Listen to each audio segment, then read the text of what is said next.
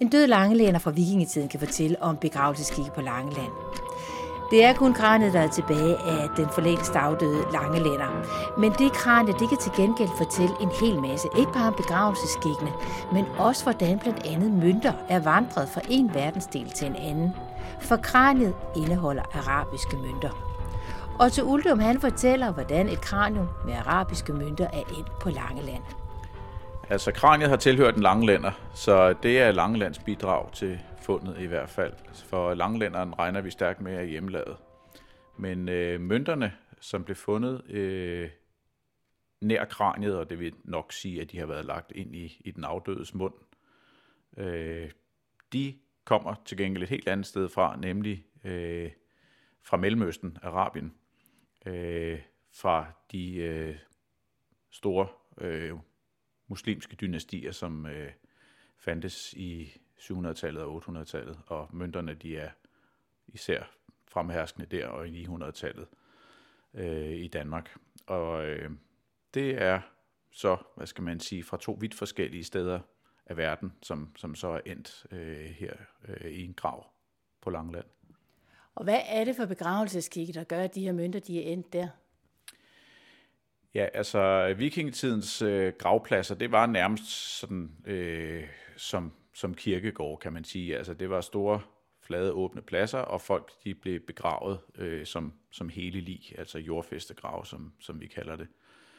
Øh, og man kan se, at øh, gravene de respekterer hinanden. Altså man har ikke ødelagt en, en gammel grav for at gravlægge en ny, så der må have været en eller anden form for markering af, af graven. Øh, så øh, der har jo været en eller anden form for en sten eller et bræt eller, eller noget, der har markeret det. Ikke? Så, så det har helt sikkert været sådan en, øh, en begravelsesplads, øh, som ligesom var afsat til det formål, ligesom man har begravelsespladser både i, i kristendommen i dag, og selvfølgelig også andre religioner har deres gravpladser, så det er åbenbart øh, noget nær en universel øh, tanke, at man gør sådan. Og når en død langelænder fra vikingetiden får arabiske mønter med i sin grav, er det så fordi, at han er en rig og holdmand? Ja, han var da i hvert fald øh, øh, holden indtil et, et vist punkt. Altså, øh, vi kan se, at sølvmængden i, på det her tidspunkt i 900-tallet er generelt pænt stor. Så øh, rigtig mange, i hvert fald frie mennesker, har haft sølv. Og øh, sølvet var jo... Øh, øh, gangbar mønt, kan man sige, lige meget om det var slået som en mønt, eller ikke var slået som en mønt, øh, så var det sølvet, man handlede med, øh, og det antog nærmest sådan en form for standard værdi ala vores tids øh, penge. Øh, de har selvfølgelig nok haft en pålydende værdi i det sted, hvor de var øh, slået, altså udmyndtet, men øh, efter den lange rejse fra Mellemøsten og så hertil, øh, så er de jo så indgået i nogle andre økonomiske sammenhænge, så den måde, de penge har fungeret på i Norden, er ikke den samme som, øh, som den måde, de har fungeret på i, i hjemlandet, hvor øh, mønterne blev slået. Øh, så man ser jo også, at mange af de her mønter, de er klippet enten i halve eller kvart eller endnu mindre, fordi man lige skulle have en, en lidt mindre værdi end, end en hel mønt. Og så betænker man sig ikke øh, fem minutter på at, at, at klippe i, i mønten, sådan, så man får en lidt mindre sølvværdi. Så det her med, at det er en arabisk mønt, det er i og for sig ikke så specielt, fordi pengene de flyder ligesom rundt mellem alle i Europa og længere væk. Ja, i hvert fald i, øh, i Norden er det øh, indtil et vist tidspunkt øh, helt enrådende næsten øh, arabisk sølv, øh, som man handler med. Øh, senere kommer der øh, andre mønter, især engelske, og så sker der noget, øh, noget helt andet, når vi nærmer os øh, middelalder. Men i løbet af, af den, den øh, sene vikingetid især, der, øh, der var det arabisk sølv. Øh, og det er jo simpelthen fordi, det blev handlet øh, over land, forestiller man sig, øh, at øh, sådan de helt store centraler, det har været sådan i det, i det nuværende vestlige Rusland, at, at, at, øh, at hvad skal man sige, omveksling egentlig har fundet sted, ikke? fordi øh, altså araberne er jo ikke kommet med pengene til Langland øh, og, her, og har handlet. De, de er kommet i, i, i etaper og har handlet hele vejen op, og er sådan set også en illustration af, af sådan de øh, større handelsmønstre øh, i vikingetid. Så man kan jo i hvert fald sige, når man har arabisk sølv i, i Danmark og i Norden, jamen så er det fordi, at der øh, alt andet lige har været nogle, nogle værdier øh, her hos os, som har været ønsket der, hvor sølvet kom fra.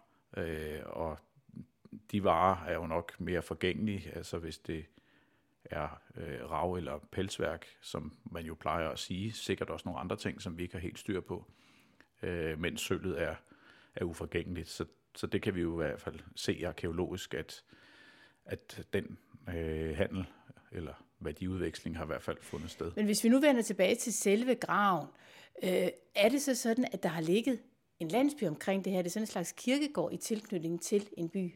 Ja, det har det nok været. Men øh, det må blive ved gætteriet, fordi vi har ikke øh, bosættelsen, og det har vi ingen steder på Langeland, selvom vi faktisk har jo sådan en lidt mere en god håndfuld øh, vikingetids gravpladser på Langeland, så har vi altså ikke de tilsvarende bosættelser, eller de bosættelser, som, som leverede øh, afdøde til, til gravpladserne. Øh, og det er i det hele taget lidt svært, øh, sådan set på landsplan, at finde de bosættelser, selvom man efterhånden har nogen, men øh, gravpladserne, de er nemmere at finde, og det har jo selvfølgelig nok noget først og fremmest at gøre med, at det er jo altså forsætteligt at grave ned i jorden, så alene det øh, tilsiger jo, at, øh, at det bevaringsforholdene er lidt bedre, ikke? fordi man jo simpelthen afleverede de her ting øh, en, en god meters penge ned under øh, jordoverfladen. Øh, så bosættelserne de er jo mere udsatte, ligger direkte oven på jorden, og øh, datidens huskonstruktioner har været tømmerbygget, øh, så, så det er lidt sværere at, øh, at regne med, at de bliver bevaret, men det gør de jo her og der i hvert fald. Ikke? Altså, så vikingetidens bosættelse er jo noget, man kender, man kender til hustyperne, men øh, det har vi altså bare ikke øh, i tilknytning til de langlandske gravpladser. Men hvorfor er det overhovedet, at han har fået de her mønter lagt ind i munden? Ja, altså der er jo øh, en oplagt forklaring, og det er, at, øh, at det er betaling øh, til rejsen til dødsriget. Øh, altså vi har jo den her øh, græske version af den her myte øh, med, med Karon, som fragter de døde over floden Styx, og øh, han skal have sine penge. Øh, og øh, i tilknytning til den fortælling er der i hvert fald øh, øh, det, man kalder en Karons mønt, som som regel bare var nok, at det var, var en enkelt. Øh, han var åbenbart havde en, en fast lav standard øh, færgetakst, øh, og det var måske også afhængig af, hvilken klasse man rejste på i virkeligheden. Ikke? Men øh, vi regner med, at det også er sådan noget, at, øh, at det er udtryk for, ikke? at det simpelthen er betaling for at komme godt over på den anden side. Det er på udstillingen Historie for Langeland, at du kan opleve, hvordan folk i vikingetiden gjorde afdøde klar til en rejse over til den anden side. Museumsinspektør og arkeolog Otto Uldum fortalte, og kraniet det kan ses i Østergade i Rudkøbing, hvor museet resten af 2017 har særudstillingen Historie fra Langeland. Du kan læse mere om museet på langelandsmuseum.com eller på museets Facebook-side. Podcasten her var produceret af Dorte Chakravarti.